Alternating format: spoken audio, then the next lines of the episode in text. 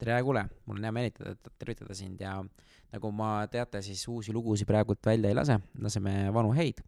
ja vahepeal tuleb meil mõned üllatused, aga siis esimene meil ongi, keda ma lasen, on Hede-Kerstin Luik, kes on siis psühholoog.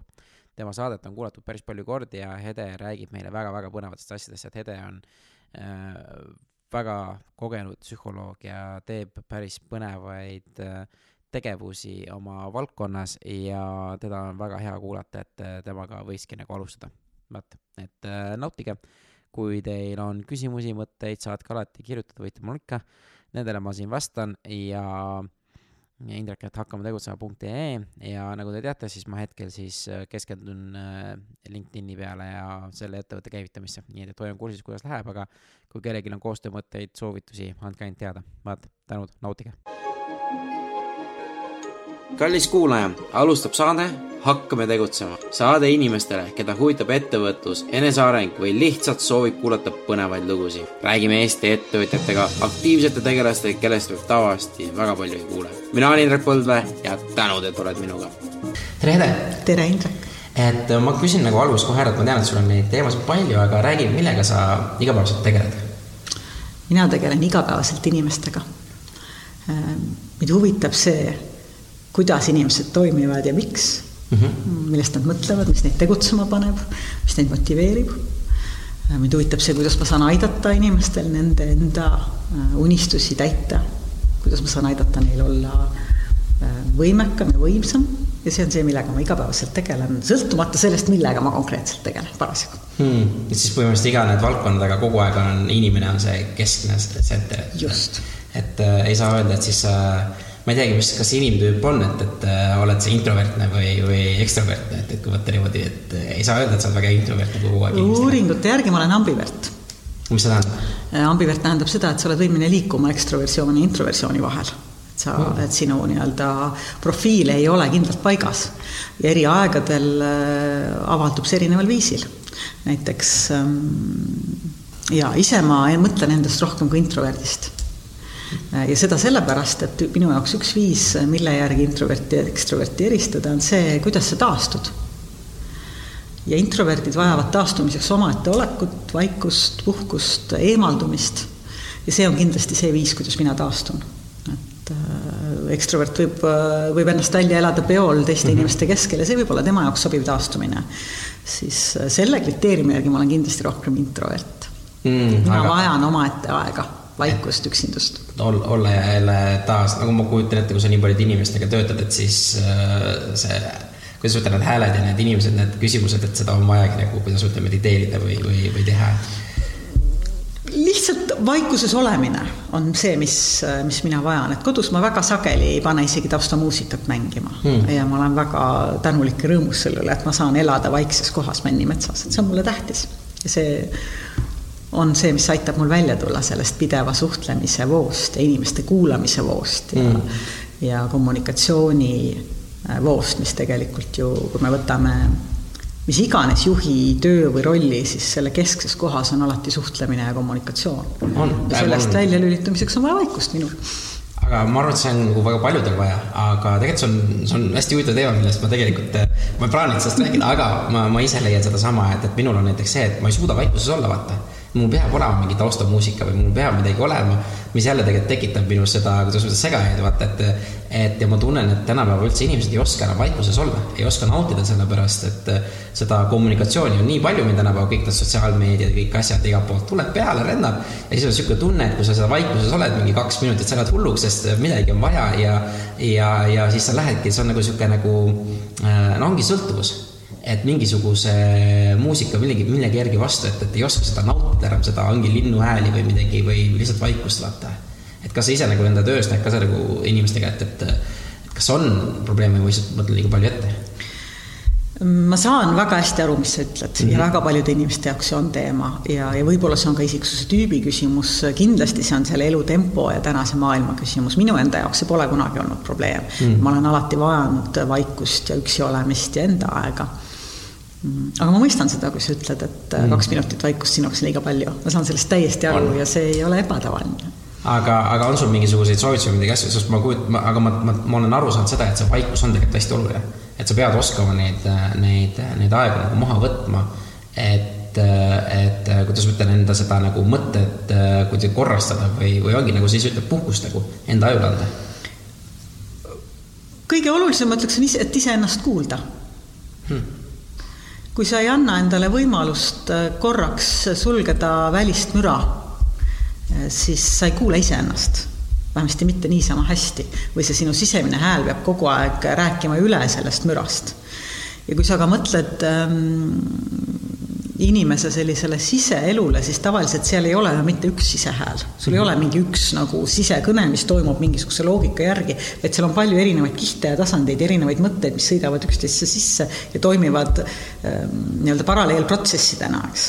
Yeah.. et ähm, mina olen näinud, et inimesel on sellest kah-, kasu, kui ta saab vahepeal välise vaikuse momendis natukene sorteerida oma neid sisemise mm. Maailma erinevaid äh, paralleelseid äh, mõttekäike mm.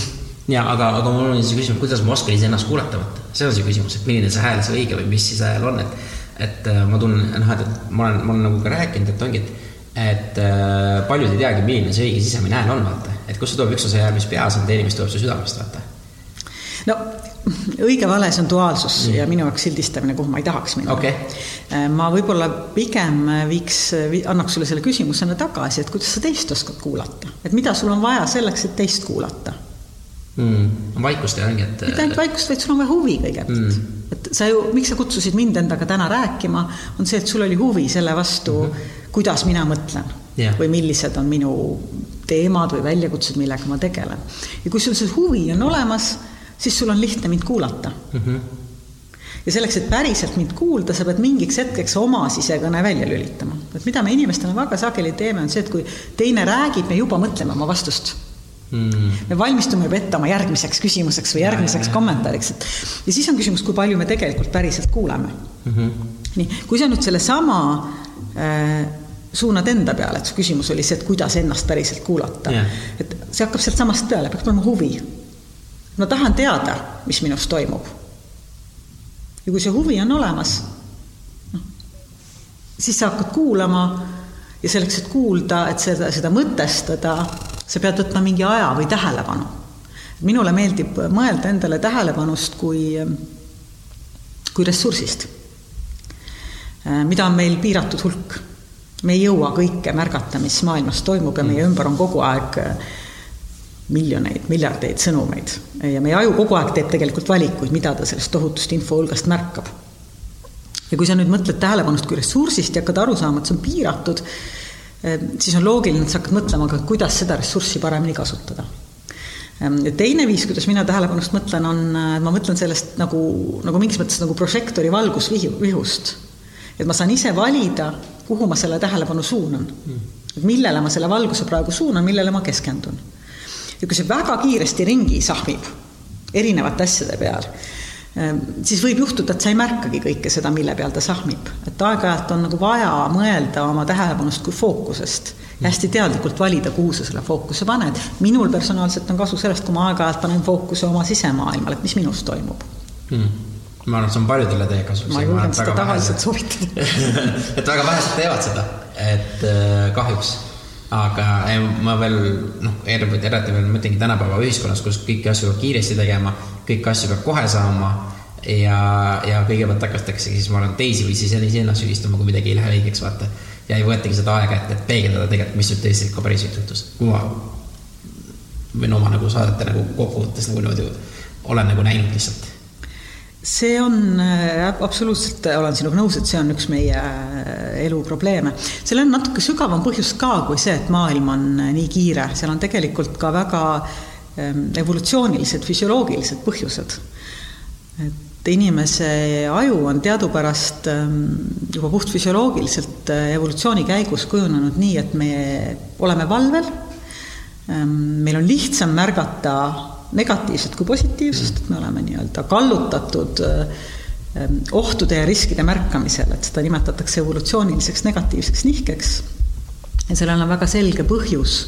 inimese evolutsioonist, kus noh, võib julgelt öelda, et meie kaks sinuga siin istume koos sellepärast, et meie esivanemad olid ühed osavamad os-, ohtude märkajad, riskide ennetajad ja nad olid võimelised elus püsima ja saama järeltulijaid, kes olid samamoodi ühed parimad ohtude märkajad ja riskide ennetajad, et kui nad ei oleks seda olnud, siis meid siin ei oleks. mis tähendab seda, et evolutsiooni käigus inimesed on kujunenud märkama kõike seda negatiivset, kõiki riske ja ohte ja me oleme ka kogu aeg skännimas neid, et see on üks põhjuseid, miks äh, meie tähelepanu kipub niimoodi olema hajevil, et me, me, me pidime kunagi olema, et ohte oli nii palju, et elus püsimiseks pidi tähelepanu kogu aeg märkama kõike, kõike võimalikku ohtlikku. mis sellega nüüd, kui sinna juurde panna nüüd veel see, see maailma nii-öelda areng ja see kiirus ja see, millest sa just rääkisid, eks ole, siis siis kui sa kokku paned selle füsioloogilise koos keskkonnamõjudega ka tänasest, eks siis on see hästi loomulik, et inimesed ongi all over the place, nad ongi, tähelepanu on hajali ja, ja sellist nagu luksust, et ma istun iseendaga maha ja vaatan endasse, et noh, sellele kiputaksegi kohe anda siis silti, et ilmselt on vaja mediteerida. et äh, muidugi võib ka mediteerida. see, millest mina räägin, on tegelikult palju lihtsam, et ole kohal ja pane tähele, mis sinust toimub. mis on tegelikult sama raske ma ütlen ausalt, see on nagu noh, vaata minu enda jaoks, et ma ise tunnen, et, et see ongi tänapäeval on neid äh, äh, kuidas ma ütlen, neid äh, meelelahutusasju nii palju, vaata. mis ongi, et äh, ma panengi muusika mängima, siis ma ei peagi iseendaga jälle mõtlema või ma mõtlengi muusikat, vaata. ja kõik, noh, need on need asjad, mis me nagu asendame siis, vaata. no seda saab alati argumenteerida mitmest küljest, et mm -hmm. võib ka ju öelda niimoodi, et see taustamuusika, mille sa paned, et see käivitab sinus mingeid mõtteid ja protsesse ja seda võib ka võtta kui võimalust mm -hmm. endasse vaadata et ta võib ka sind inspireerida või anda sulle mingisuguse sellise mm, nagu, nagu nii-öelda tausta selle sinu sisemaailma jaoks, et ma ei ütle, et tingimata peab olema täielikus vaikuses mm -hmm. selleks, et ennast kuulda, sa võid kuulda ennast ka väga hästi eh, rokk-kontserdil või, või sellel samal peol, kuhu see ekstravert läheb eh, lõbutsema, mina suudan seal ka olla kohal ja ennast kuulata, sest see on mulle oluline et tegelikult see on ju rohkem nagu sellise fookuse ja harjutamise küsimus, eks. absoluutselt, kus keegi on ju arvanud, ma ütlengi, kõik on nii erinevad inimesed, et sellega ma olen nõus mm. -hmm. ma lihtsalt ise praegult äh, kurdan oma muret võimalusel, et ma tean, et mul on see, et mulle ka meeldib muusikaga teha asju, aga, aga ma tunnen, et ma liiga kergesti annan alla, vaata, et äh, rohkem, et iseendasse sügavamasse minna. lihtsam on alla anda ja, ja vaadata mingeid filme või vaadata mingeid asju, kui hakata iseendaga tegelema, mis ongi see, et, et, et see kas see tõsi või need on need hirmud või need on need negatiivsed asjad, mis enda, iseenda kohta oled juba peas nagu aja sinna taha ju nagu pannud, et, et tegelikult ma ei olegi piisavalt, mis iganes la la la la inimesed, inimesed panevad. et siis päris raske on nendega nagu tegelikult silmitsi nagu seista mm. -hmm. et, et ma lihtsalt nagu seda arvan ja ma noh, kui ma olen ka siin rääkinud inimestega, siis ma tean, et see on ka nagu väga suur nagu väljakutse väga paljudele. on, ma olen sinuga hästi nõus ja ma toon siia hoopis teistsuguse vaate juurde mm, -hmm. et ähm, ma praegu oma muude tegemiste keskmes või vahel ähm, õpin äh, INSEADis äh, muudatuste juhtimist, õigemini selle programmi nimi on Consulting and Coaching for Change. ja üks teema, millega me seal hästi palju tegeleme, on ähm, selline mõiste nagu self as an instrument et kui sa õpid ennast kuulama, siis, siis üks väärtusi või üks nagu järgmisi samme sealt on see, et sa saad hakata iseennast kasutama instrumendina. ja enda kuulamise kaudu tegelikult tajuda ümbritsevat, seda, mis toimub teistes inimestes, seda, mis toimub organisatsioonides, meeskondades. ja, ja see on üks asi, mis on selline nagu ma ütleks, et väga hea ja väärtuslik tööriist, mida tasub treenida, kui sa enda kaudu maailma taju teravdamine on üks väärtuslik oskus, mis võiks motiveerida pigem sind panustama ka sellesse, et kuidas siis endaga see kontakt saada. et sealtkaudu tegelikult ju kogu info meile maailmast tuleb no absoluutselt, lihtsalt ongi osata nagu ma saan aru, tõlgendada seda ja, ja nagu oledki, sina oled siis nagu, ma saan aru, see nagu tõlk, ma panen lihtsalt nagu tõlk, vaata.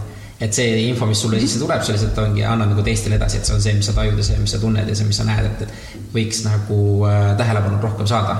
Just ja okei okay., aga miks sa läksid seda nagu õppima? miks ma läksin õppima muudatuste juhtimise nõustamist hmm.? ma olen nüüd üle kahekümne kolme aasta juba töötanud inimestega ja ja nagu ma päris alguses sulle ütlesin, ka mind hästi siiralt huvitab inimene, inimese toimimine.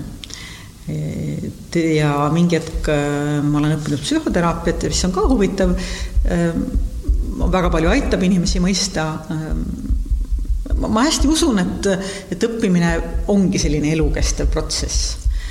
ja, ja kuna ma väga palju töötan meeskondadega ja juhtidega, organisatsioonide nii-öelda siseprotsesside, just muutuste protsessidega, siis mulle tundus see nagu väärtuslik programm. et üks äh,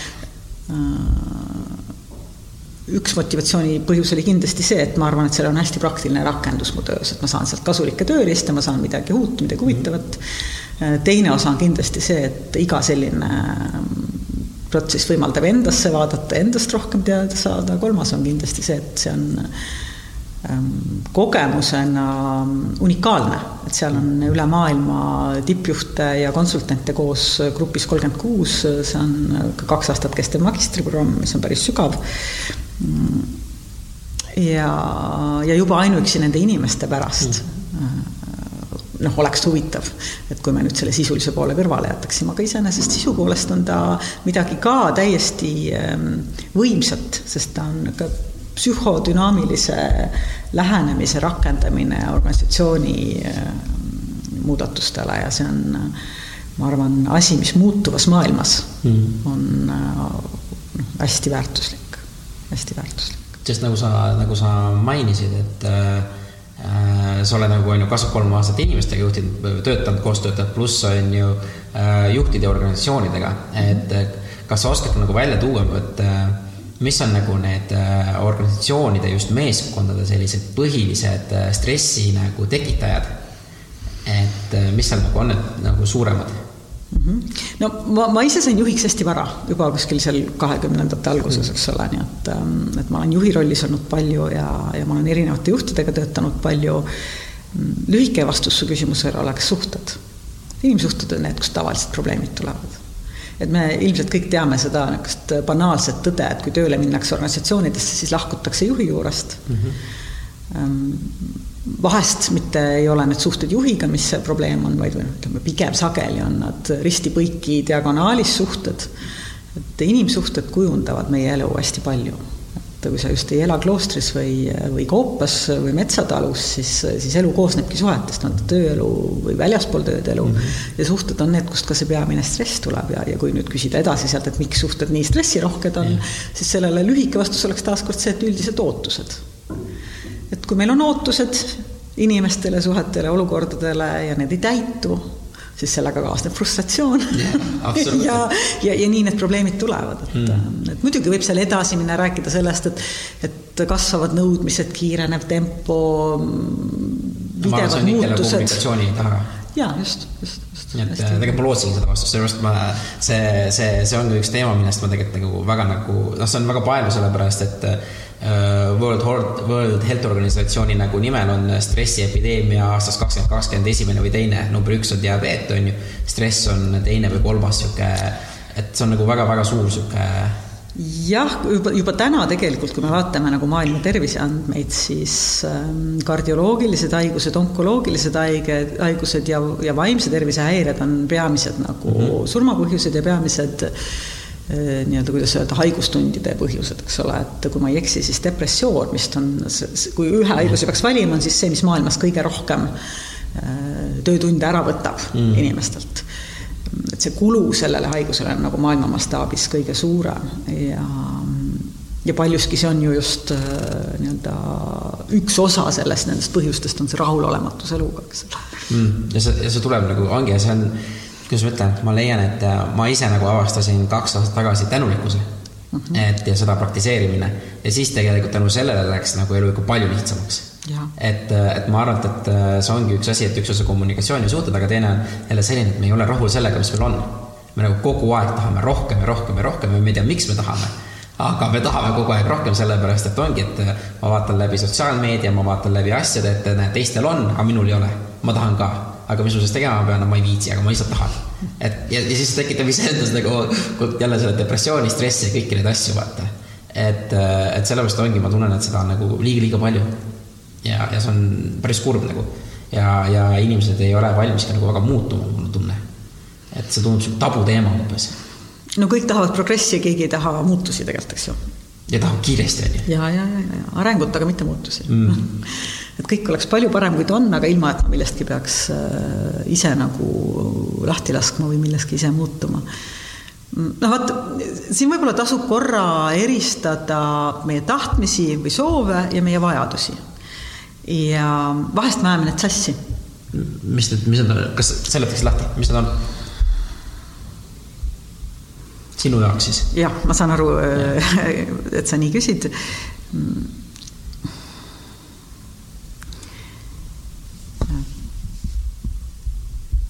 vajaduste puhul noh, on, on teatud hulk, eks ole, asju, ilma milleta me päriselt ei saa. on füsioloogilised vajadused, on teatud bioloogilised, teatud psühholoogilised vajadused, mida me, ilma milleta me ei püsi elus, noh.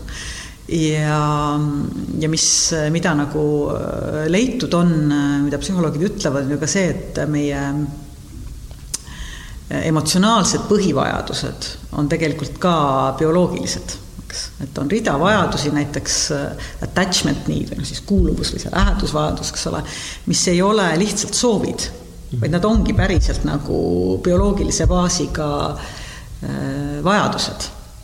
ja me ei saa neid päriselt eirata, eks, et need on, need vajavad täitmist. Äh, ja ja noh, need soovid ja tahtmised on siis see sellele, millele sina viitasid, eks ju, et yeah. et rohkem, kiiremini, kõrgemale, kaugemale, et võistlemise ja võrdlemise teema, eks ole. kusjuures see võrdlemise teema on ju see kõige hullem, sest ma tean, mul ka nagu noh, laps, laps käib koolis, seal ju ka hinnetega võrreldakse, näed, temal on parem kui sinul. ja sealt noh, igalt poolt ju pannakse seda võrdlusasju nagu ju kohe kaasa. ma, ma tunnen seda. mina tahaks loota, et tänapäeva kool juba kasutab kujundavat hindamist, mis lähtub selle lapse enda progressist, aga ma saan aru, ma olen naiivne yeah. võrdlemine, no vot, ega võrdlemine iseenesest ei ole ju halb või võistlemine mm -hmm. ei ole halb, kui see aitab meil edasi pürgida sinna, mis meil nagu tegelikult väärtuslik on. mulle tundub ja see on ainult minu arvamus, arvamus, et, et halvaks teeb võrdlemise see, et me kipume ennast võrdlema oma lähiümbrus, ümbrusega. Et jällegi, kui palju seda on korrutatud, et äh, Eesti inimesed on oma jõukuselt maailma, noh, ma enam ei mäleta, mis see oli, top viie protsendi hulgas või mm. nelja või kolme või midagi niisugust, eks ole.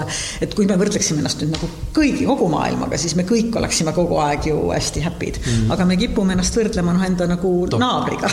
ja see on see, kust see probleem tuleb, et et, et jah, aga ma sinna väga ei tahaks minna mm., sest minu enda jaoks ei ole tegelikult mm. noh, nagu, nagu peamine probleem. mina, mulle tundub, et kui inimene on endaga heas kontaktis, et kui ta selle töö teeb ära, selle enda sissevaatamise ja hakkab endalt küsima, et mis on see, mida mina vajan mm. -hmm see nii-öelda enda vajadustega kontakti saamine, siis see võrdlemine nagu kaob ära, et ma ei tea, kas sa golfi mängid näiteks? ei mängi praegu no,. mina ka praegu ei mängi, aga ma kunagi mängisin ja, ja, ja golfi juures kõige ägedam asi on see, et sa tegelikult kogu aeg võrdled ennast iseendaga, et sa võistled iseendaga omaenda eelmise parima tulemusega mm.. et sama mõt-, põhimõtet võiks ju laiendada kogu elule. see, selle nii-öelda esimene etapp on see, et sa pead teada saama või nii-öelda huvi tundma kõigepealt selle vastu, mis see on, mida ma päriselt vajan mm.. et gestaltpsühholoogias on selline tore viis, kuidas äh, oma emotsioonidega äh, toime tullakse, ongi see, et esimene, esimene küsimus iseendale on see, mida ma praegu tunnen, mis on see, mida ma kogen, et selle nii-öelda äranimetamine. Äh, teine küsimus on see, et kust see tuleb? Mm., see, mida ma tunnen, kust ta pärineb, millest see tekib? Yeah.. ja kolmas on see, et mida ma hetkel praegu vajan ja emotsioonide puhul väga suur osa sellest äh, äh, kuidas öelda siis, sellest väest või sellest võimust, mis ühel emotsioonil on, see kaob ära juba sellega, kui sa suudad teda nagu nimetada, et noh, ma praegu kogen viha või mm., või ma praegu tunnen kurbust, see juba võtab osa sellest intensiivsusest maha. ja kui sa hakkad aru saama või isegi juba ainuüksi see, et sa küsid, et kust see tunne tuleb, et noh, ma olen, ma olen vihane sellepärast, et mulle tundub, et minu, mulle tehti liiga, sa juba hakkad seda mõtestama, sul juba tekib mingi reflektsioon, eks, ja kui sa nüüd küsid selle kolmanda küsimuse ka, on see, mis ma hetkel vajan, see vahest võib olla väga lihtne vastus. tõusta püsti ja liikuda või, või juua klaas vett või, või, või lihtsalt välja hingata või ja, ja sa saad sellega tööle hakata, eks, et, et see niisugune enesemärkamine viib fookuse ära sellelt, mis teisel on või, või sellelt võrdlemiselt sellele, mis minul päriselt tarvis on vot noh, see on see, kuhu minu meelest inimesed enda sees äh, võiksid liikuda, et nad keskenduvad iseendale, mitte mitte teistel. absoluutselt, ma olen sellega sada protsenti nõus, lihtsalt see on jälle, tundub noh, et sa küsid kolm küsimust tegelikult, need on mm -hmm. väga lihtsad küsimused. et see tundub hästi lihtne, aga seda rakendada on väga keeruline. mis sa arvad, mis seda teeb keeruliseks? meie ise no afektiseisund, eks ju, see hetk, kui emotsioon on tugev, sul ei tule lihtsalt meelde, et sul see tööriist on. sul lihtsalt ei tule meelde, et oota, Ede rääkis, et seal on kolm head küsimust ja küsi ära. mis need küsimused on? sa oled, sa oled nii, sa oled oma selles vihas või kurbuses või ärevuses või, või rõõmus mm. nii sees, et sul ei tule see, see üldse meelde, et sellega võiks midagi teha mm. -hmm.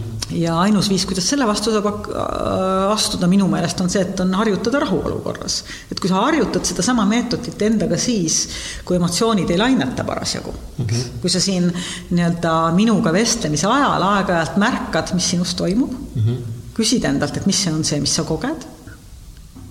ja siis sa nagu, sa, sa internaliseerid seda meetodit see, see muutub sul nagu tava, igapäevaseks. just, ja siis sa saad seda rakendada siis ka, kui afektiseisund on, eks ole, et kui see viha lööb üle pea, siis, siis on juba sulle omane küsida, aga mis see on, mis ma tunnen, et sa teed vahet vihal mm -hmm. ja mhm. põlgusel ja ärevusel ja, ja murel, eks ju, paanikal ja kadedusel, eks. ja, ja, ja, ja sa, ja sa õpid nagu märkama, et mida sa sealjuures vajad. see nii-öelda minu jaoks hakkab sellest peale, et sa rahuolukorras või nii-öelda tava normaalsuses mm -hmm. paned tähele iseennast ja oma vajadusi aga seal on see, et sa pead olema iseendaga nagu täiesti aus jälle vaata, et, et see ma kujutan ette, noh, mulle, mulle endale, vaata, see on see, ma ei tea, kas on, on, aga ma ise tituleerisin seda egoks, vaata, et see tuleb mängu, vaata.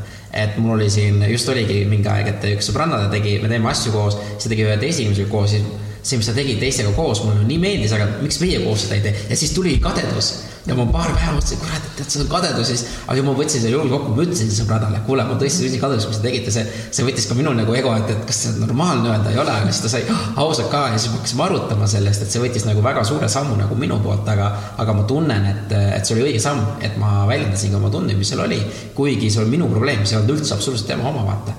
Aga ma lihtsalt jagasin seda, et sihuke asi oli, et aga ma, ma lihtsalt tunnen, et see, see on viimase kahe aasta töö, mis ma teinud olen iseendaga, et ma nii kaua, niisugune samm olen üldse teinudki, et see võtab nagu mega kaua aega, lihtsalt tunnen et äh, kas, äh, ma lihtsalt küsin, kas kommertslik see asi, et kas tulemas on ka Hede soovituskalender, kus oli kolm küsimust ja igale päeva, kui ma saan kaasa võtta, et, et rahakoti vahele. ma ei ole kunagi nii mõelnud, aga võib-olla see peaks pigem äpp olema, mis sul telefonis nagu sinu eest neid küsib. iga, iga, iga viie viie, viie minutiga peate küsima. ma arvan, et see viie minutiga sa läksid hulluks lihtsalt. võib-olla tõesti, jah Äh, loomulikult on hästi oluline olla enda vastu aus ja loomulikult on hästi oluline olla teiste vastu aus ja mm, -hmm. ja õppida nii-öelda mitte ründavalt oma vajadusi väljendama.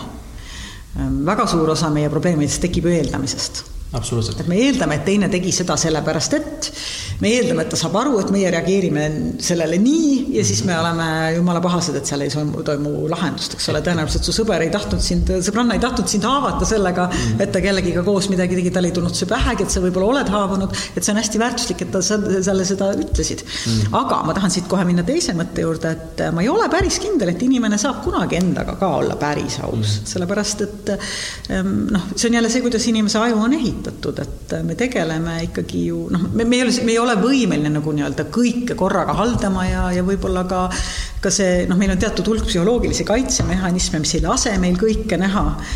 palju on räägitud ju sellest Johari aknast, eks ole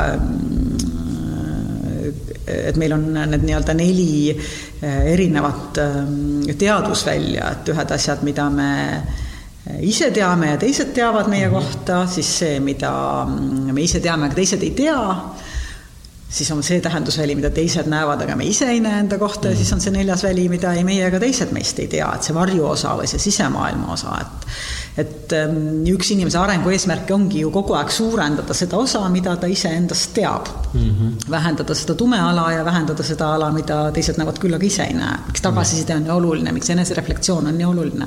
et võimalikult suurendada seda osa, mis me näeme. kas see nüüd niisugune sada protsenti ausus iseenda vastu üldse on võimalik, meil noh, sinnapoole tuleb pürgida mm. -hmm. aga psühholoogilised kaitsed on psühholoogilised kaitsed just nimelt sellepärast, et meid kaitsta, neil on oma väärtus ja, ja kõik need erinevad psühholoogilised kaitsed, on ta siis nagu allasurumine või projektsioonid, et nad on meile vajalikud ja sellepärast nad on mm.. ja inimesed on üldiselt kõvad postratsionaliseerijad, et kui me oleme juba mingi otsuse või käitumise ära teinud yeah., siis tagantjärgi sellele anda tähendust me oskame imelisel viisil kas see nüüd sada protsenti tõde oli enne, kui see otsus langetati, seda enam tagantjärgi öelda noh, päriselt pole võimalik, aga jah, pürgida sinna suunas, et märgata enda vajadusi, märgata endas toimuvat ja seda ka võimalikult ausalt lahata ja võimalikult ausalt ja adekvaatselt väljendada seal, kus see kohane on.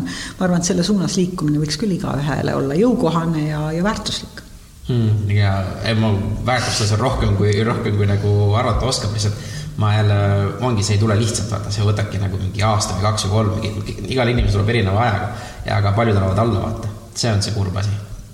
no ma tunnen seda, ma ei taha nagu elu toob nad sinna tagasi, eks nad peavad siis uuesti selle ette võtma, et mm õnneks äh, on elu kasvamise mõttes äh, selline spiraal, et sa jõuad samade teemade juurde tagasi uuel tasemel ja võib-olla siis oled võimeline nendega tegelema. kui sa oskad neid märgata, on ju, ja, ja tähele panna. aga ma, ma lihtsalt enda peas siin äh, jälle, ma, kui sa rääkisid, ma vastasin valmistasin lihtsalt ette, aga, aga ma räägin nagu sinu jutust nagu siin põhimõtteliselt nagu niisuguse väikse nagu ringi või see, et on ju, kui sa ütled, et vaata, et meie kui inimesed võtame, märkame negatiivseid asju, vaata, rohkem, on ju kas siis, kui me märkame negatiivseid asju rohkem, sellest tekivad ka eeldused, eeldustest tekivad ootused ja siis see käibki niisugune nagu nõiaring nagu kogu aeg nagu äh, ringratast peas.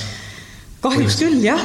ja mida tegelikult see tähendab, et me märkame negatiivset paremini, see ju tegelikult tähendab seda, et me peame tegema ekstra pingutuse, et märgata positiivset, eks mm. -hmm. ja seda saab teha ainult siis, kui sa endale teadvustad seda. ja, ja see on ka see tee sellest äh, ringist välja, eks, et äh, küsi teiselt inimeselt, kuidas sellega päriselt on mm. -hmm. ja räägi sellest, mis sa ise päriselt koged. noh, jällegi niisugusel adekvaatsel, mitteründaval viisil, eks. aga ma pigem mõtlengi, vaata, kui kuidas ma kujutan, ma ei kujuta üldse ette, et äh, sina kui noore juhina vaata, on ju, et, et noh, siis sa arvatavasti nii kõiki asju nii teadlik ei olnud, et see on läbi kogemuste kõik tulnud, ma, ma eeldan praegu no meil on kõigil ka erinevad stardiplatvormid, minul yeah. vedas, mul vedas oma vanematega mm, -hmm. mu ema-isa on äh, uskumatult ägedad inimesed mõlemad ja andsid mulle väga hea ähm, sissejuhatuse eluks mm. selle läbi, millised raamatud meil kodus olid.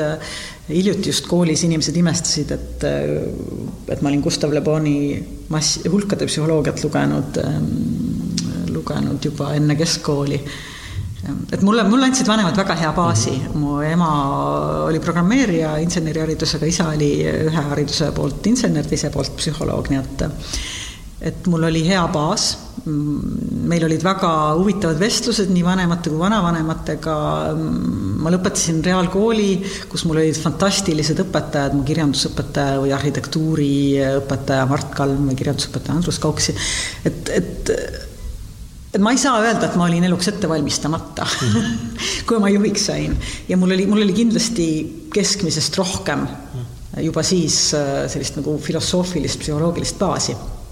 teine asi, mul tohutult ved-, on vedanud alati öö, äh, oma juhtide, mentorite, kolleegidega, et ma siiamaani ähm, väga kõrgelt hindan ja suhtlen oma Statoili aegse ülemuse Paivo Rubassaga ähm, ma olen saanud eeskujude najal kasvada. ja, ja mul on ka väga juba tollest ajast, sellest Tatuli ajast ähm, üks mentori või konsultandi rollis olnud näiteks Mare Pork, keda ma pean kindlalt äh, üheks äh, targemaks ja tasakaalukamaks äh, ressursiks maailmas, mitte ainult Eestis. Et mul on õnneks olnud võimalus õppida väga varakult ja mida me Statoilis tegime ka, me tegime juhtidele kolmesaja kuuekümne tagasisideringe just Mareborgiga koos. ja see enesereflektsioon selle tõttu minu ellu, noh, ta on nagu alati kuulunud mm -hmm. ja süsteemsel viisil juhi tööriistakastis olnud juba minu, minu nii-öelda üsna nagu varajases varajases töö käigus. kui tihti sa ise neid refleksioone või neid asju nagu tegid muidu? Mida sa täpselt silmas pead? juhi rollis, iseenda nagu või siis meeskonnaga koos ähm, näiteks? ise, iseendaga, kas ma võin võtta vahepeal vastu, vabandust, sinu küsimus, las ma nüüd meenutan küsimust. tihti see reflektsioon iseenda nagu noh, minu jaoks on refleksioon äh, osa igapäevast mm. -hmm. ma võtan iga päev aja, äh, aja endasse vaatamiseks. kui sa küsid nüüd nagu neid suuremaid asju, siis kolmesaja kuuekümne tagasisidet ma kahtlemata kogu aeg ei tee, sest see yeah. ei sõltu minust, eks, see sõltub organisatsioonist, kus sa parasjagu töötad, kas ja kui palju seal selleks nagu huvi ja tööriistu on, viimase kolmesaja kuuekümne kraadi tagasiside ta ma tegin just paar kuud tagasi sellesama INSEAD-i magistriprogrammi raames. meeskonnaga meil on äh, iga teine nädal niisugused äh, koosolekud, kus me natukene ka reflekteerime ja ma püüan selliseid one-on-one arutelusid oma inimestega teha, kus me reflekteerime toimuva üle ka, mitte ainult logistika üle, vaid, vaid nii-öelda sisu poole üle. mina pean seda väga oluliseks, aga enda päevasse mul on, mul on iga päev selle jaoks mitu kohta ja võimalust ja, ja, ja kui ma peaks ühe soovituse andma juhile, siis see on see, et planeeri aeg mõtlemiseks. et kui sa seda ei planeeri, kui sa omale kalendrisse ei kirjuta aega mõtlemiseks, siis seda refleksiooni aega noh, ei pruugi lihtsalt tekkida. kas see on siis mõtlemine nagu igapäevaselt või ongi mõtlemine, mis eile tehtud või, või mis, mis sorti mõtlemine? üks kui teine, et mulle meeldib vaadata ette oma tulevasse nädalasse, mulle meeldib vaadata ette oma päeva, eh, mulle meeldib vaadata tagasi oma päeva, mulle meeldib vaadata tagasi oma nädalasse, mulle meeldib tagasi vaadata oma kuusse või aastasse.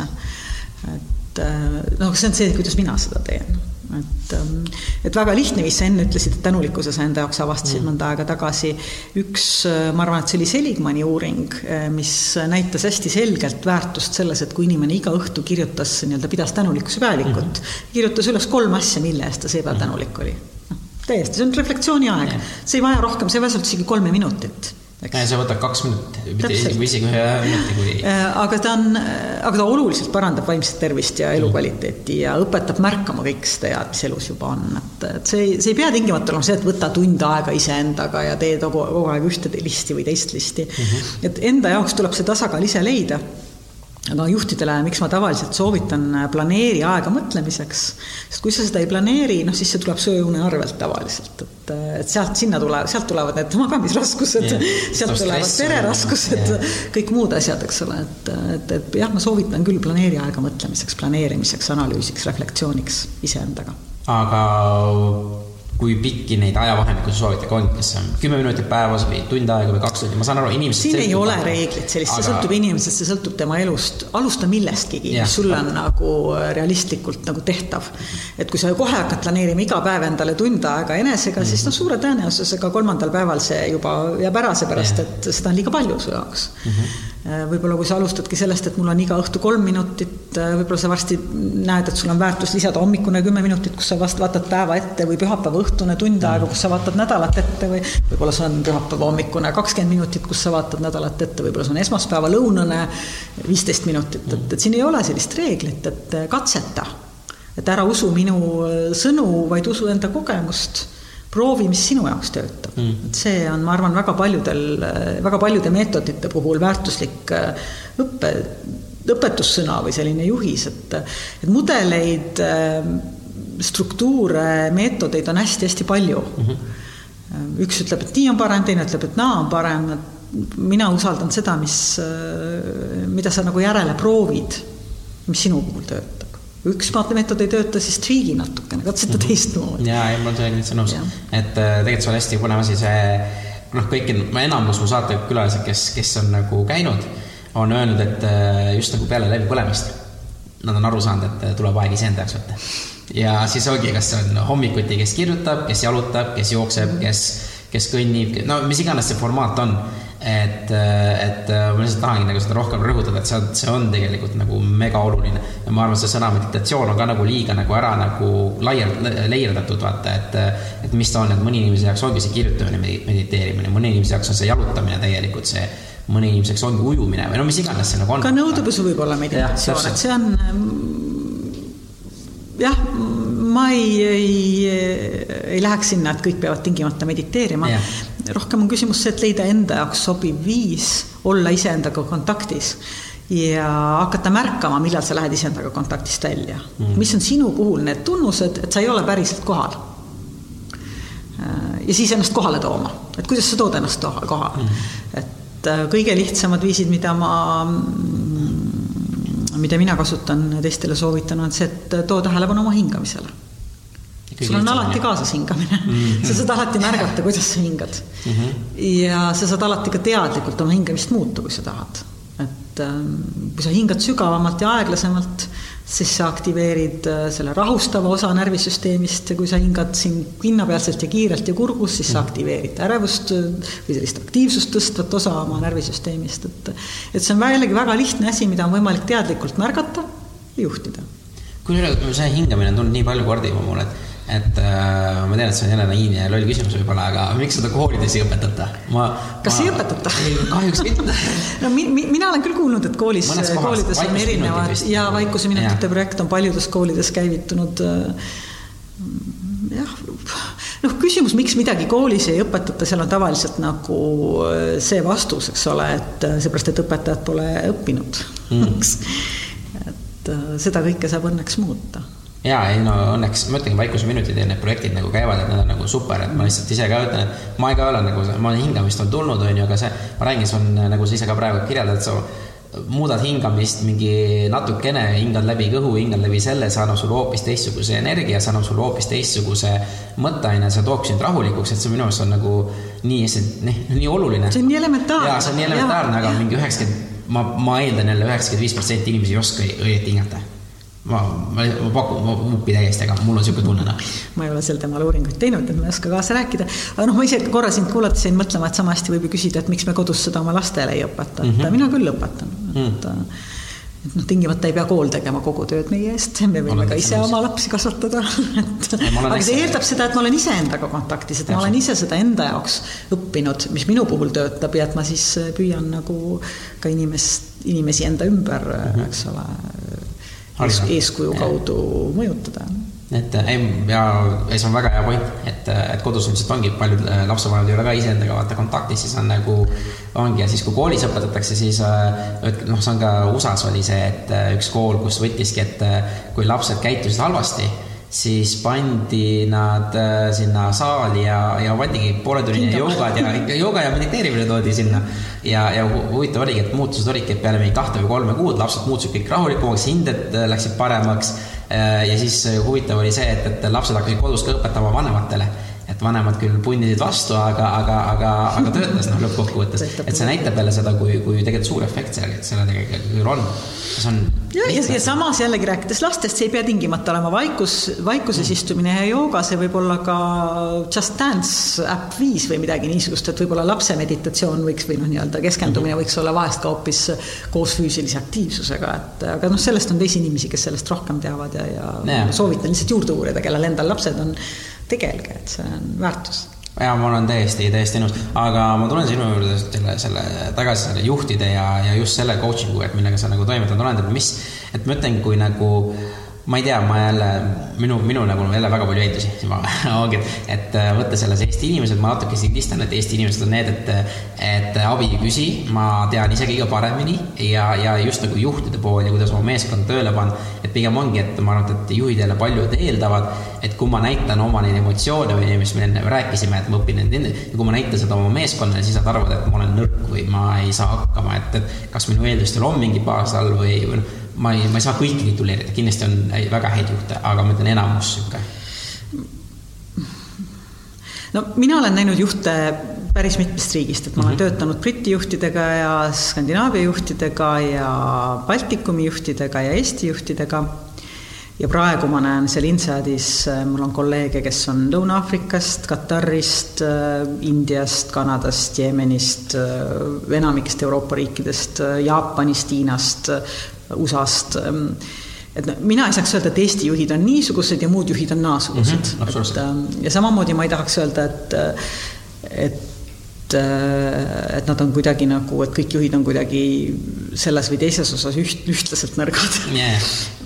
Ma, ma arvan, et et oma tõepõhi on ka sellel all, et kui ma näitan oma emotsioone, juhin oma meeskonnale, siis ma võin paista nõrgana. küsimus selles, et milliseid emotsioone sa näitad, mis mm. viisil.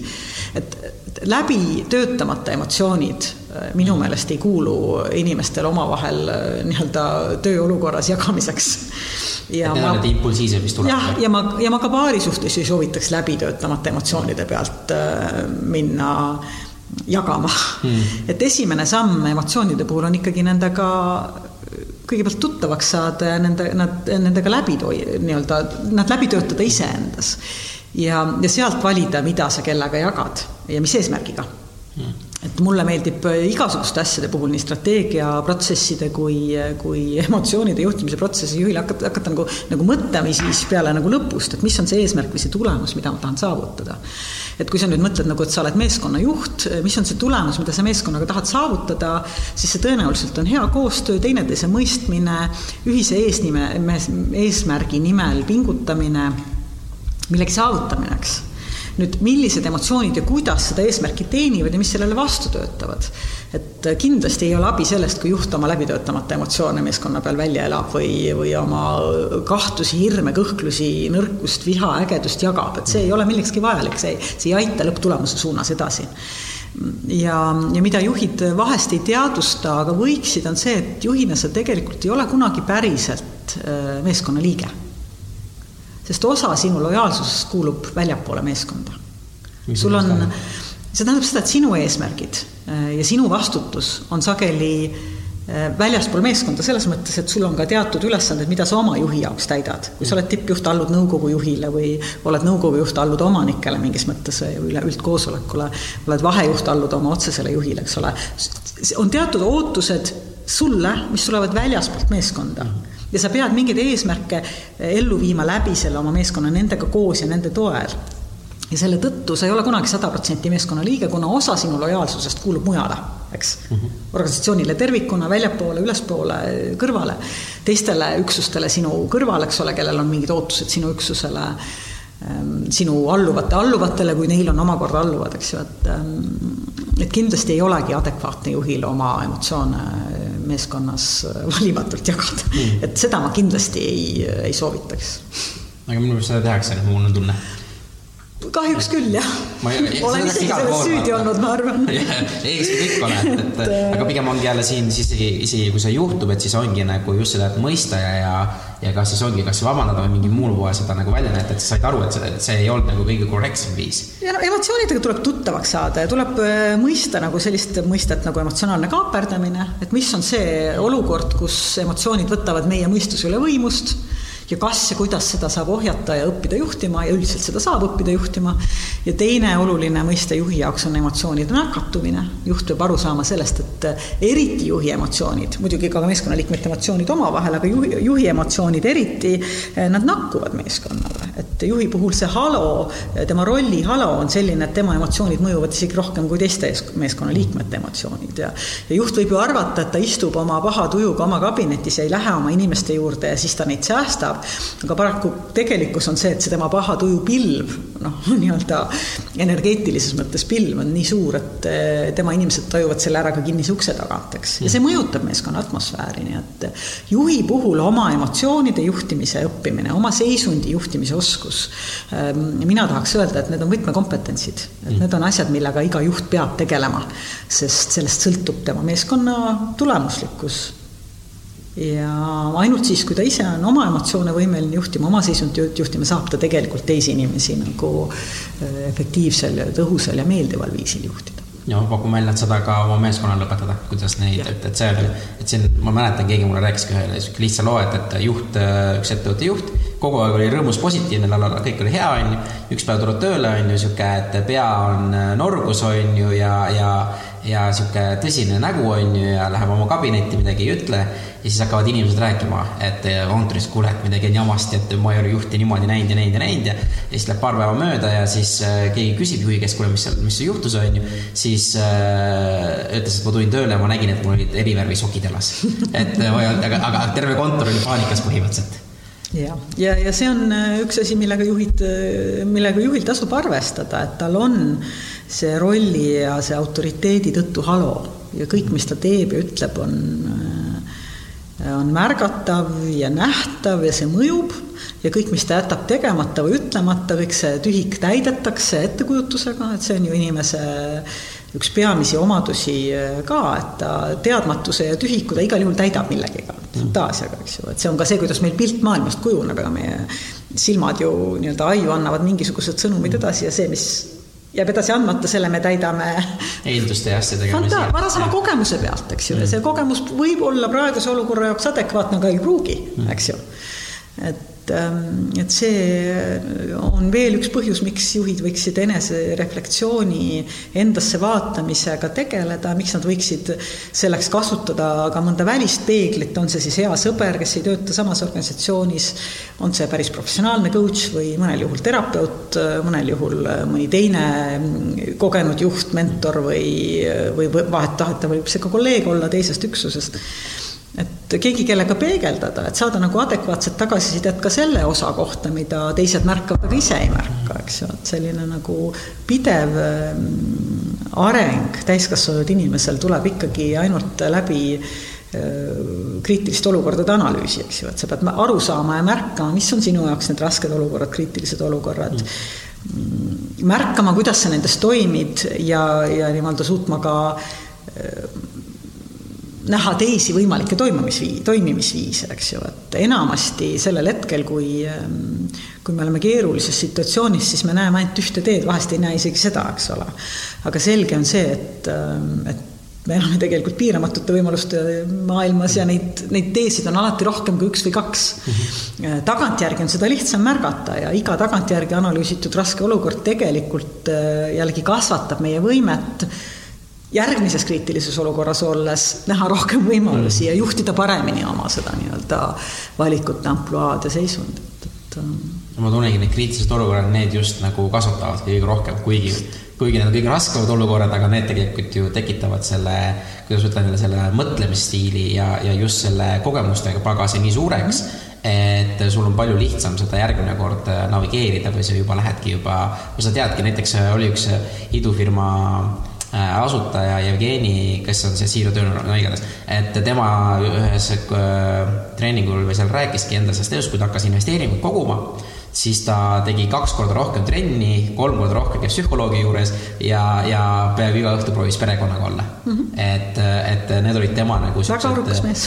ja, ja on, sul on nagu kogemust jälle, sellepärast esimesed korrad ta ei teinud seda, vaata. ja, siis tuleb läbipõlemised et äh, mida, mida, mida keerulisem aeg, seda rohkem äh, jälle ma tunnen, et sa pead neid äh, häid inimesi enda ümber koondama, kes, kes, kes sulle seda tagasisidet annavad, mis sa just nagu välja tõid. just, ja noh, mis ju on, eks ole, noh, me kõik elame muudatuste ajal, aga kui vaadata nüüd nagu selliseid kriiside ja muudatuste perioode, raskemaid perioode, siis tavaliselt noh, millel, millel see mm, toimetulek püsib või, või saab, saab nagu toimida hästi, on esiteks see, et sa äh, nii-öelda märkad äh, neid asju, mis püsivad, mida saab säilitada, millele saab tugineda. Äh, ja teine asi see, et sul on võrgustik. ja kolmas asi see, et sa päriselt ka küsid abi, kui sul vaja on sealt mm. võrgustikult, eks ole, et, et krii-, kriiside korral noh, need on nagu niisugused sambad, millele saab toetuda, eks ole, et see, mis jääb alles yeah., see, mis, kes, kes mu ümber on ja, ja noh, päriselt nendelt ka abi küsida ja abi vastu võtta aga nüüd ongi see, et, et mis siis, kui inimene ei julge abi küsida, et mis, mis see nagu samm oleks, kas siis ongi need küsimused iseenda käest küsida, et miks ma ei julge ja mida ma pean tegema või, või kuidas need oleks, sest ma ise tunnen ka, et, et äh, ma olen ka neid, on ju, neid intervjuusid asju teinud, on ju, teinekord ongi see, et, et tahaks küsida, on ju, kellegi käest, aga samas ma mõtlen, mis mina olen pisikeste asjadega, et, et tal on nii kiire ja hakkad üle mõtlema ja siis ei julgegi pärast nagu küsida ja siis proovid mingi muu, muu lahenduse, ma pakun välja, et ka teistel on mingi sarnaseid nagu, et äh, kes olen mina, et abi küsida umbes. või ma olen, kas ma olen nõrk, kui ma küsin abi, vaata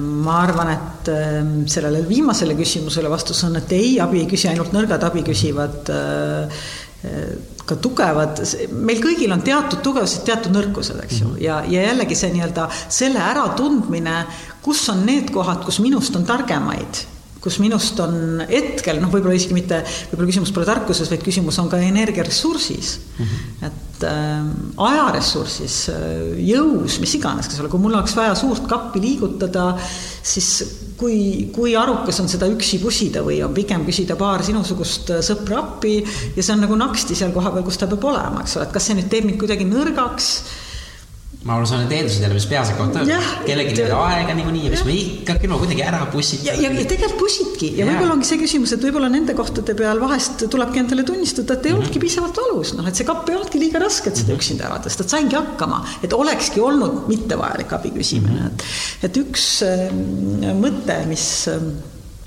mis kõige selle juures äh, mulle, mulle meelde tuleb, on tegelikult noh, selline nagu läbiv teema, et et ole lahke iseendaga, et kui ma kuulan ka sinu küsimusi mulle, eks mm, -hmm. siis sa, sa, sa tood palju ette seda, kus sa näed oma nõrkust, eks mm, -hmm. et ma ei küsi abi seda või, või ma ei võta vaikust rahu piisavalt või ma ei analüüsi mm -hmm. piisavalt, eks ole, et mm, noh, see on, see on tore, et meil on endale kõrged ootused ja, ja need aitavad meil edasi pürgida ja asju saavutada ja samas sealjuures on oluline kasvatada lahkust iseenda vastu et see on ka okei okay vahest, kui ma ei saa hakkama mm. -hmm. ju siis ei olnud nii valus veel et noh, just ei olnud nii valus.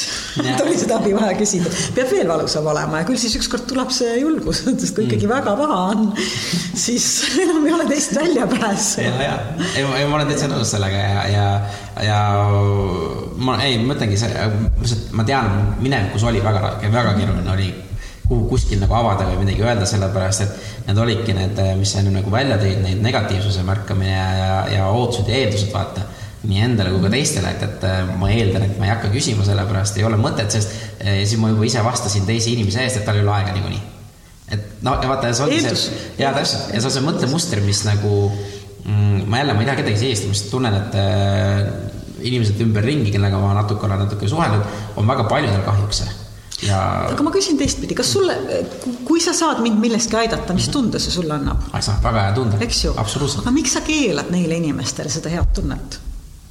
Et äh, vaat see ongi, see on, äh, ma arvan, et see sisemine jälle see, et, et äh, me ei tea, et ma, ütlengi, et, et mulle meeldib üks, üks kõige lahedam uuring oligi USA-s vist, mis tehti, et kui sa ostad iseendale jäätist, sul on hea, hea olla, aga kui sa ostad kellelegi teisele on palju parem, eriti minul, kes ma ei armasta ise jäätist. ja sama on selle abi küsimisega, et kui sa mõtleksid seda niipidi, et kui keegi sinult abi küsib mm, -hmm. siis see tekitab sinust tunde, et sa oled vajalik, sa oled kasulik, sa oled arukas, ta hindab sinu panust, sinu, sinu abi, eks ju mm. -hmm. et kui sa nüüd ise teisele ei paku üldse sellist võimalust, sa noh, pusid ise ja, ja hoiad kiivalt seda rõõmu endale mm, -hmm. siis sa tegelikult teed ju teise inimese maailma ka vaesemaks, et, et enamus meist kogevad seda komplimendi, nagu meilt abi palutakse mm aga sellele komplimentidega on ka väga huvitav, vaata kui keegi ütleb sulle komplimendi, siis enamus Eesti inimesed ütlevad, et ah, mis sa nüüd. Nad ei oska seda ka vastu võtta, vaata tegelikult teinekord ja. taaskord see ei ole Eesti inimese probleem, see on üldine. minule meeldib selline mõte nagu gracefully receive, et võtta väärikalt vastu, see on ka oskus, mida harjutada jah, et äh.... peatu korraks, kui sulle keegi ütleb midagi head, hinga korraks ja siis ütle aitäh mm.. see on minu meelest oskus, mida peaks ka väga paljud õpetama, sest paljud ei äh,, ma olengi nagu andnud äh, selliseid nädalasi väljakutseid inimestele, et tehke kaks komplimenti päevas inimesele, keda te väga palju suhtlevate mm. -hmm. ja siis ongi see, et esiteks äh, see, kes komplimenti teevad, ja noh, see peab siiralt tulema, mitte see, et sa näed tore välja, on ju, mida, mida on lihtne öelda, vaid ütlegi, et sul on midagi see ja see juures tegemist, mis mulle väga meeldib, vaata. et äh, ja, ja reaktsioon on ka see, et kui, et äh, kui neile tehakse kompliment vastu, siis mitte see, et, et mis mina, vaid ongi see, et ütle, ütle aitäh vastu sest me ei oska öelda seda aitähi vastu, on ju. pigem on see, et jälle hakkab, äh, ongi nagu ongi, mis mina või see on nii tavaline või, et me ei, me ei hinda ennast piisavalt äh, tugevalt, mul on tunne. et, äh, et ja, jah, minu, minu viga, et ma seostan lihtsalt Eestiga väga palju, kuna me teeme seda eesti keeles ja kõik see, et, siis ja, ma nagu lähen, lähen nagu väga palju Eesti, Eesti, eestimaisse, vaata. et äh, see on väga põnev, aga äh, kuidas, kuidas me ütleme, kuidas nagu seda meeskonna ja ja kui vaata, sa ise ütlesid, et suhted on kõige nagu suurem nagu stressi tekitaja seal. ja ka kõige suurem äh, rõõmu ja õnnetunde tekitaja elus, eks ole. aga miks me loome siis neid äh, stressiolukordi seal töö juures nii palju, need eeldused ja ootused, kuidas neid nagu saaks vähendada või mis on nagu sinu nagu kogemused ja soovitused? no vaata, meeskonda ei looda selleks, et koos oleks tore mm. -hmm. vaid meeskond kujuneb ja, ja luuakse ja kujundatakse ümber ühise eesmärgi eesmärk on see, mis inspireerib, see lõpptulemus, see ühine arusaam edust ja see ühine edukogemus ja, ja see on nüüd see koht, äh, kus juhi roll on hästi suur, on esiteks äh, esiteks, et see eesmärk on selge, ta on selgelt kommunikeeritud ja sellest on ka selgelt aru saadud.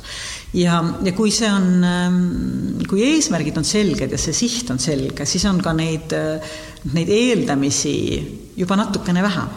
ja siis on võimalik neid pingeteemasid lahendada, lähtudes sellest soovitud lõpptulemusest ja eesmärgist, et kui meil on ühine siht, siis me saame tegelikult asjadega hakkama, me näeme teisi inimesi partneritena sinna eesmärgi suunas liikumisele ja see nii-öelda pingutus, pingutus nende eelduste tegelikuks lahtirääkimiseks, küsimiseks, kuulamiseks, selgitamiseks on lihtsalt parem.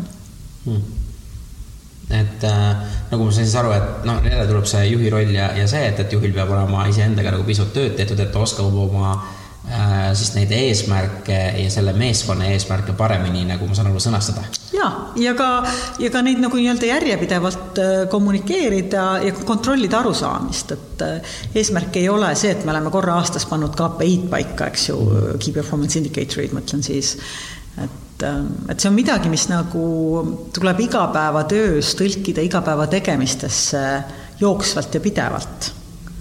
ja, ja sealtkaudu tegelikult tekib see meeskond, eks mm.. kui seda ei ole, siis on lihtsalt tegemist äh, noh ühes üksuses töötavate inimestega, eks ole. jah, keda iga päev nähakse kaheksa tundi ja, ja siis no alati ei näegi, eks no, ole, tänapäeval me ju töötame väga palju ajameeskondades, eri kohtades, kodukontorites, osad inimesed on kohvikus loovamad kui, kui büroos, me ei pruugi isegi näha oma mhm. meeskonnaliikmeid, aga kui meil on ühine eesmärk, siis meil on, äh, siis meil on ühine asi, mida ajada. ja, ja see ühine miks -hmm, nii-öelda on ju. et äh, ja see on, see on väga huvitav, et pigem ongi, mis ma tunnen, et äh, ma ei tea, ma, ma kuulan välismaa neid podcast'e päris palju mm, -hmm. et seal just räägitakse ongi need millenialid, kes praegu on ja siis uus generatsioon, need on jube laisad vaata. et nad ei oska midagi teha, on ju.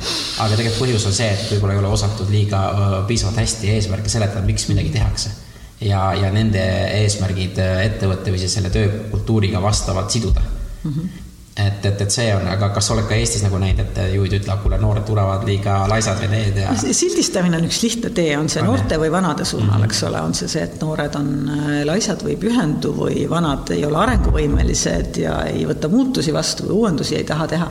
et igasugused sildistamised selliste gruppide kaupa, noh, ma tahaks neid pigem vältida ja ehm, mis puutub äh, seda motivatsiooni, siis ähm, väga palju räägitakse organisatsioonidest välistest motivatsiooniallikatest, eks ole, tasu mm. ja, ja nii-öelda karistustüüpi mm., tüüpi motiva-, motivatsioonidest, aga kui me vaatame inimese nii-öelda liikuma panevate jõudude sisemist osa, siis, siis seal on selgelt kolm komponenti ja, ja sellega võiks iga juht äh, nagu kursis ja kontaktis olla, et, et selle sisemise motivatsiooni loovad tähendus see, et sellel, mis ma teen, on väärtus, et sellel on tähendus. Ähm, et sellel on mõju. Teiseks see, et ähm, seda tehes, mida ma teen, ma saan milleski paremaks, et selline meisterlikkuse saavutamine, areng ja kasvamine on üks sisemise motivatsiooni komponente. ja kolmas, ähm, kolmas on iseseisvus, teatud autonoomia, et ma saan ise valida oma töö tegemise viise ja, ja, ja, ja noh, mingeid osasid sellest, eks ju.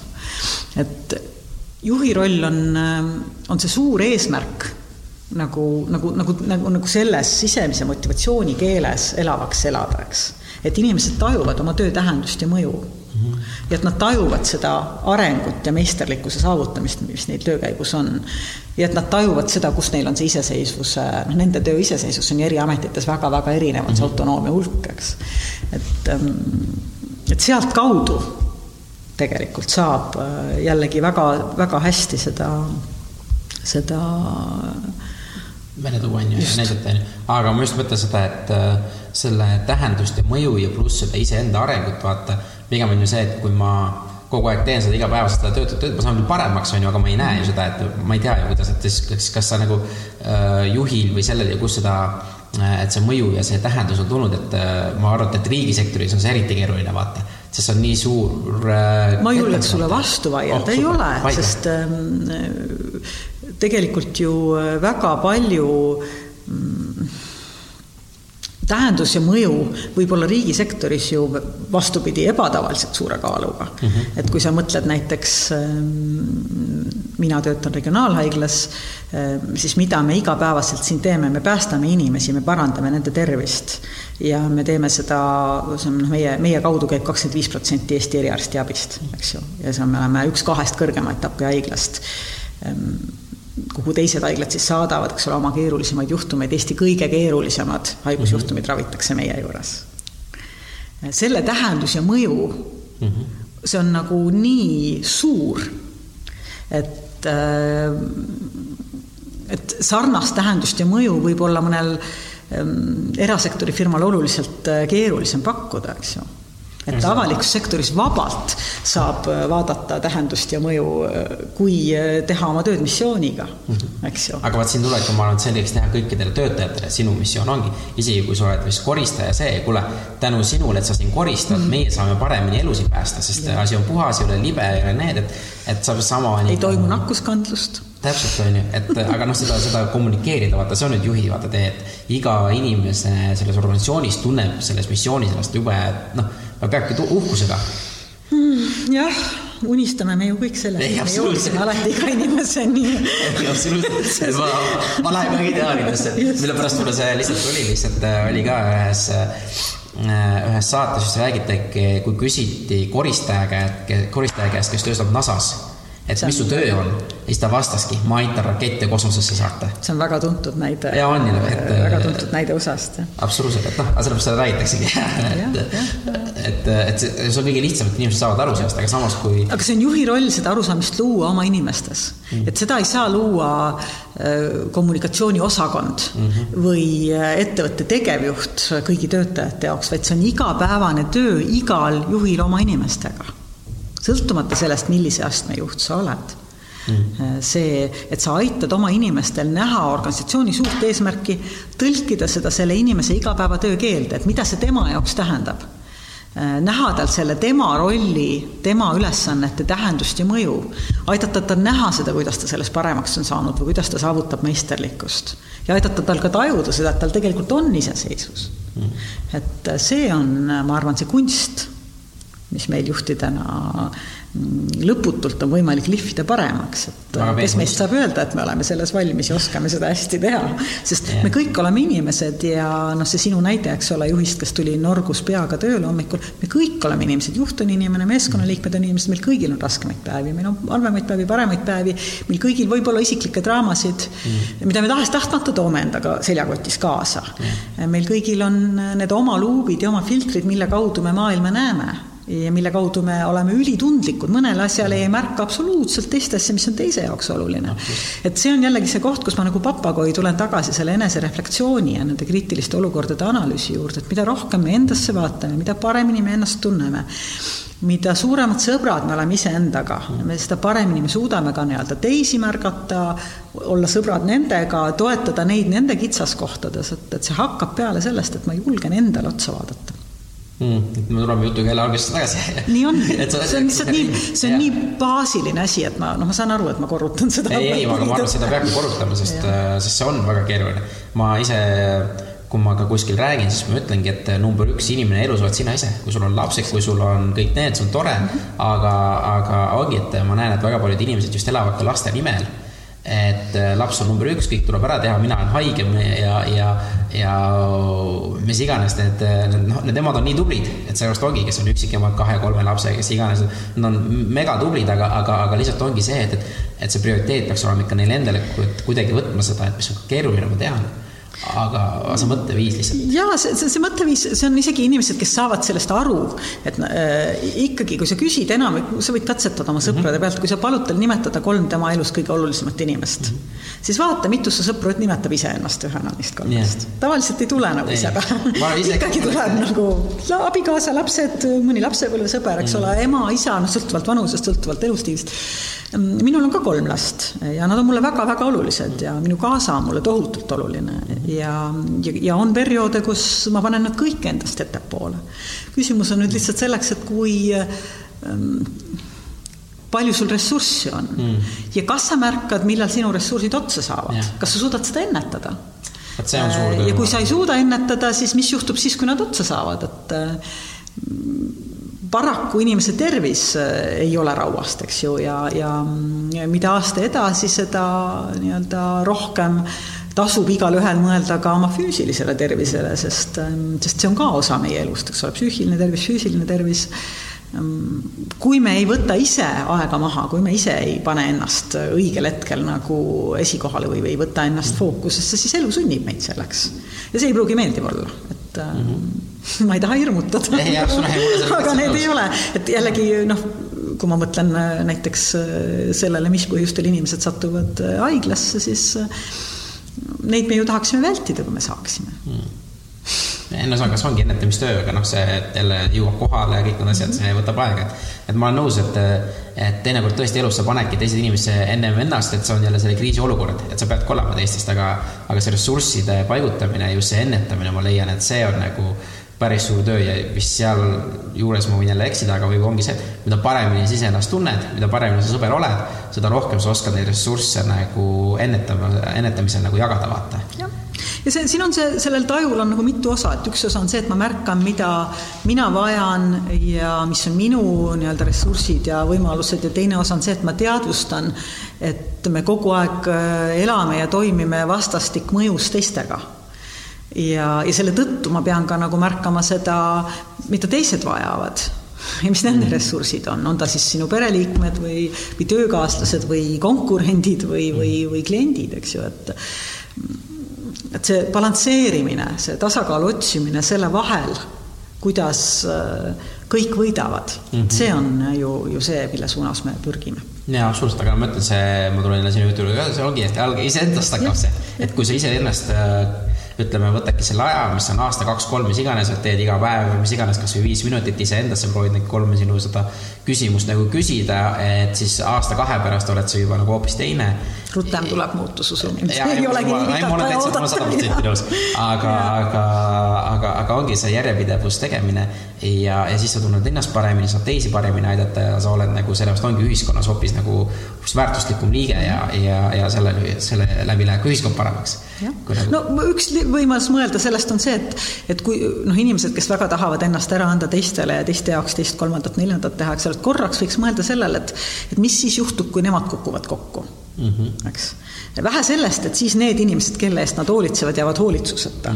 aga kuskilt peab tekkima ressurss nende eest hoolitsemiseks, eks ju mm -hmm ehk siis nad muutuvad koormaks mm -hmm. tänu sellele, kui nad enda eest ei hoolitsenud, et see, sellele mõtlemine ka vahest on kasulik jaa, ma arvan, et see on väga, see on ka noh, mul on ise idufirma nagu taustaga ja seal on meil just see äh, küsimus, et ongi, et äh, kõik süsteemid, mis me ehitame, peame ehitama selleks, et kui meiega midagi juhtub.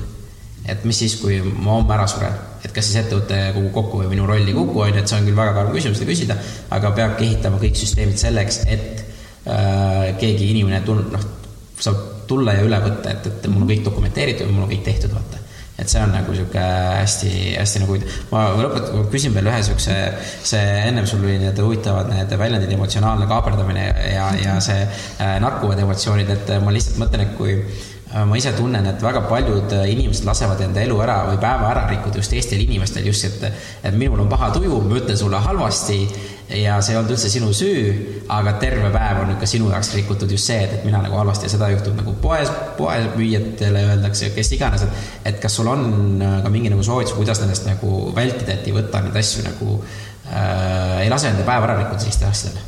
No see on inimlik, et me laseme yeah. ja teistpidi noh, mina väidan, et mida parem kontakt on mul iseendaga mm, -hmm. mida rohkem ma olen kohal iseendas ja teadlik enda nagu tegelikust väärtusest, seda vähem mind see ju kõigutab mida teised mulle ütlevad, eks ju, et, mm. et noh, jällegi muidugi siin on see küsimus, et, et kus on see konstruktiivne tagasiside, mis aitab mul näha seda osa, mida ma ise ei näe, versus siis see, eks ole, et kui teine inimene elab emotsiooni minu peal välja, et minu arust ma soovitan, et hinga, hinga, too tähelepanu hingamise juurde ja, ja mine oma keskmesse tagasi, et sellesse, kes mina olen, selle küsimuse juurde, eks. no see on super, nii et, et äh, kaks kõige olulisemat punkti õpime hingamist ja teine on see, et küsime neid küsimusi iseendalt, et teise aeg. super, kuule, et ma panen siin punkti ja ma küsin sinu käest küsimusi, mida ma kõik oma lugude kangelastelt ja kangelannadelt küsin. et äh, esimene on siis see, et kas sul on endal mingi kindel hommikurutiin, millega sa ennast nagu käima lükkad, et, et päev tuleks maksimaalselt hea? on küll, absoluutselt täiesti. mina alustan iga hommikut ähm, noh, selle kohta vist võib öelda joogaga, mul on teatud harjutuste setid, mida ma teen, ma võtan väikse aja iseenda jaoks, ei ole väga pikk mõnikord on see ainult viis minutit, mõnikord see on kakskümmend minutit, aga ma vajan seda aega iseendale, seda hommikus sellist mõtlust koos liikumisega hmm.. ja sealt edasi tuleb minu jaoks nagu alles päev. okei okay., aga kaua sa seda teinud oled nagu niisugust? Kakskümmend aastat aga kuidas see nagu kolm, sul kolm last on veel, et nende, nende jaoks nagu, kuidas nad nende kõrvalt nagu leidsid aega, kas no ma olen kindel, et sa ei ole no see nagu kõik on aeg-ajalt ära kadunud, muidugi see on aeg-ajalt ära kadunud. aga sa oled alati tagasi toonud, vaata? ma olen, ma olen selle tagasi toonud ja, ja imelikul kombel ta kipub pigem kaduma siis, kui on head ja rõõmsad ja rahulikud ajad. suvel on oluliselt keerulisem ennast hommiku pikaks joogasessiooniks, siis seda meenutada endale mm. -hmm ma ei tea, mulle lihtsalt meeldib, mulle meeldib see, kui ma saan hommikul äh, nii-öelda alustuseks joon klaasi vett ja siis teen mõned harjutused ja alles siis lähen oma päeva juurde, et see kuidagi sobib mulle. Äh, ja, ja noh, viimased aastad on, äh, on sealt edasi siis puuviljasalat ja, ja tass kohvi ja, ja siis ma olen valmis kuskile minema, et ma olen hästi häiritud, kui ma pean loobuma sellest, et kui ma pean, kui ma mingil põhjusel kas ei tõuse õigel ajal üles ja mul läheb liigseks kiirustamiseks või siis, siis minul ongi päev natuke keerulisem aga siis, kui sa reisid, mis sa siis teed, kas siis on ka sama, et äh, on proovid seda rutiini? ja, ja, ja, ja, ja, ja noh, kooli tõttu ma käin iga teine kuu, olen päris pikalt äh, Fontainebleus, et äh, see pole mingi probleem seal sellega jätkata. noh, mul on see, et justkui reisimiste peal, vaata seal lähevad need rutiinid natuke sassi, et, et see Äh, siis tuleb mugavdada jälle, et, et need on no natuke muidugi pead mugavdama, noh näiteks ma tõesti armastan puuviljasalatit, mitte kõik hotellid äh, või mm., või puhkusekohad ja see ei ole võimalus, no siis ma söön ühe härjasilma, no see on ka täitsa tore. ei ole hullu midagi no, see veel ei tapa. et leiab äh, kohandamiseks ruumi, et, et see on hea. siis järgmisena küsin, kas on mingi teema, mida sa oleks veel tahtnud rõhutada ise rohkem, mida me siin saate ajal väga ei jõudnud, aga äkki on sul endal mingisugune isiklik mingi asi või mida tahad välja tuua või, või siit veel me, me, me rääkisime päris palju, ma arvan. ma arvan, et me võime sellega praegu täitsa piirduda ja teinekord valida teise teema. Ei, väga hea, mul, ma võin ausalt öelda, mul tuli kolm korda, kui sa selle vestluse ajal tuli mul kolm korda kananapp peale, et, et kolm teemat, mis nagu mulle nagu endale nagu väga nagu sihuke töötasid väga hästi ja, ja just need mõtted, mis aitasid, aitasid mind nagu edasi arendada et sellepärast, et ma ütlen, et teema see oli suurt rõõmu, nagu aitäh sulle. väga, väga, väga palju põnevat äh,. aga väga hea äh,. siis kas sul, noh, sul on kindlasti mingid omad uskumused, millesse nagu sa usud, aga paljud inimesed veel ei usu või, või ei ole sinuga kõige parem nõus, kas saad mõne, mõne, mõne näite tuua, mis need võiksid olla? Hmm.. mulle väga sellised üldistused ei meeldi, et paljud ei ole nõus või on nõus, ma ei ole võib-olla selle nurga alt lihtsalt varem mõelnud mm. -hmm. noh, ma ise võin juba meie jutu põhjal juba seda öelda, et pigem ongi, et äh, iseendale aega võtta ja refleksioonid, et need on juba uskumused, mida sa igapäevaselt teed, mis ma tunnen, et väga vähesed kahjuks, no ma ei taha ka sildistada, aga ma... see, see väärtus endale aja võtmist, see tundub mulle nii baasiline, et ma nagu ja. julgeks arvatagi, et see ei ole inimestele baasiline, aga ilmselt sul on õigus jaa noh, kui sa ütled, sa inimestega nagu töötad ja just nagu selle juhtide coaching'u ja sellega ja aga vaata, kui äh, nii-öelda kuidas öelda, et need on ju minu maailmavaatega sarnased inimesed, et coaching usse tulevad ikkagi need juhid, kes ka usuvad, et neil on vaja areneda, nad tahavad areneda ja, ja nad tahavad seda aega võtta, et et selles mõttes ähm, mul on väga lai tutvusringkond, aga ma arvan, et ta on üsna homogeenne, et mm. enamus neist on pigem sellised inimesed, kes huvituvad elu mhm. vastu mm, -hmm iseenda, kes tunnevad huvi iseenda vastu, oma töö vastu, kes äh, tahavad saada paremaks selles, mis nad teevad, et see ei ole kindlasti selline nagu mm, representatiivne läbilõige kogu mm. ühiskonnast. pigem on edasipüüdlikud tegusad inimesed, kes minu juurde jõuavad. jah, aga ma, ma ikkagi noh, ma arvan lihtsalt, et kui nad ka sinu juurde tulevad, nad tahavad seda aega, seda maha võtta, kas, kas ka need noh, ma ei usu, et väga paljud on enne võtnud, vaata, aga nad on hakanud mõtlema selle peale rohkem ja rohkem.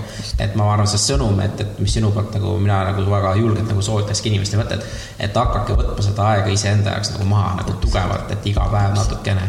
et äh, kas sa oled juht, kas sa oled õpetaja, või õpetajad ka juhid, et, et äh, kas sa oled laps, kas sa oled. Äh, noh, sest me kõik oleme oma elu juhid, et see nii-öelda, et kui sa ei võta ise oma elu juhtimist enda kätte, siis, siis sa lihtsalt voolad selle vooluga kaasa, kuhu teised sind suunavad, et. et selles mõttes jah, tõepoolest igalühel on mõistlik võtta enesereflektsiooni aega ja, ja ma, ma just ise nagu toon teinekord näite sihukest asja, et on olemas nagu kindlasti kõigil mul üks sõber või kaks sõpra, kellel kõik läheb nagu super hästi, vaata et see on nagu nii, nii, nii, nii selles suhtlus kinni, et, et, et kõik läheb nagu super lihtsalt, on ju, et ta nagu kulgeb nagu elus nagu lihtsalt läbi ja siis on teine inimene, kes ütlebki, et aa, jälle vale mees või vale naine oli mul, mul, minul alati juhtub, minul alati juhtub. ja ma leian jälle, et see on suhtumises asi. ja kui sa võtad selle aja iseendale refleksiooni, miks juhtus ja, ja tood selle asja nagu päeva peale, et siis äh, sa suudad neid asju tulevikus vältida paremini. Esiteks ma muidugi julgen öelda, et ka need, kellele meil tundub kõrvalt vaadates, et neil läheb kõik sujuvalt, äh, uskuge mind, ei lähe.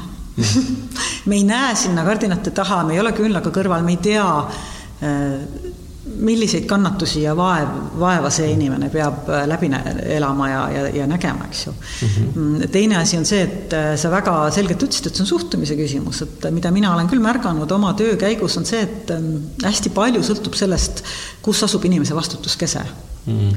et kas ma saan aru, et vastutuskese on minu sees või ma panen selle alati väljapoole iseennast et igasuguse psühhoteraapia ju üks peamisi nagu nii-öelda esimesi samme või suundi ongi, et aidata inimesel nihutada see vastutuskese iseendasse. mitte vanemad ei ole süüdi, mitte ühiskond ei ole süüdi, mitte loll ülemus, mitte kuri sõbranna, eks ole, vaid et sa hakkad vaatama iseendasse ja võtma ise vastutust enda elu eest et see on äh, ju igasuguse teraapia üks niisuguseid esimesi saavutusi, panna inimene aru saama, et temast sõltub. et ta ei ole ohver, on ju? just mm., ohvri rollist välja. jah, täpselt, seda ma olen kuulnud mitu korda. Väga hea äh,, järgmiseks äh, kui sul on võimalik panna kuskil mingi plakat, mida inimesed väga paljud näevad, mis ei ole reklaam, mis oleks see sõnum, mida sa tahaksid, et inimesed loeksid selle peale hmm.? ole lahke iseenda vastu, ole kasvõi natuke lahkem, kui sa oled täna hmm.. see lahkus iseenda vastu, ma arvan, on, äh, on asi, mida ma esimesena välja tooks. see on super. Äh, ja siis viimaseks kuidas mina ja mu kuulajad sulle kasulikud saavad olla? väga hea küsimus no,. ma arvan, et kui te saadate mulle küsimusi mm., siis see paneb mind mõtlema ja otsima vastuseid ja avardab minu maailma. et minult võib alati igast asju küsida. sellest on mul kindlasti kasu, see paneb mind mõtlema. noh, super. aga Hede, suured, suured tänud selle aja eest ja sinu mõtete jagamise eest.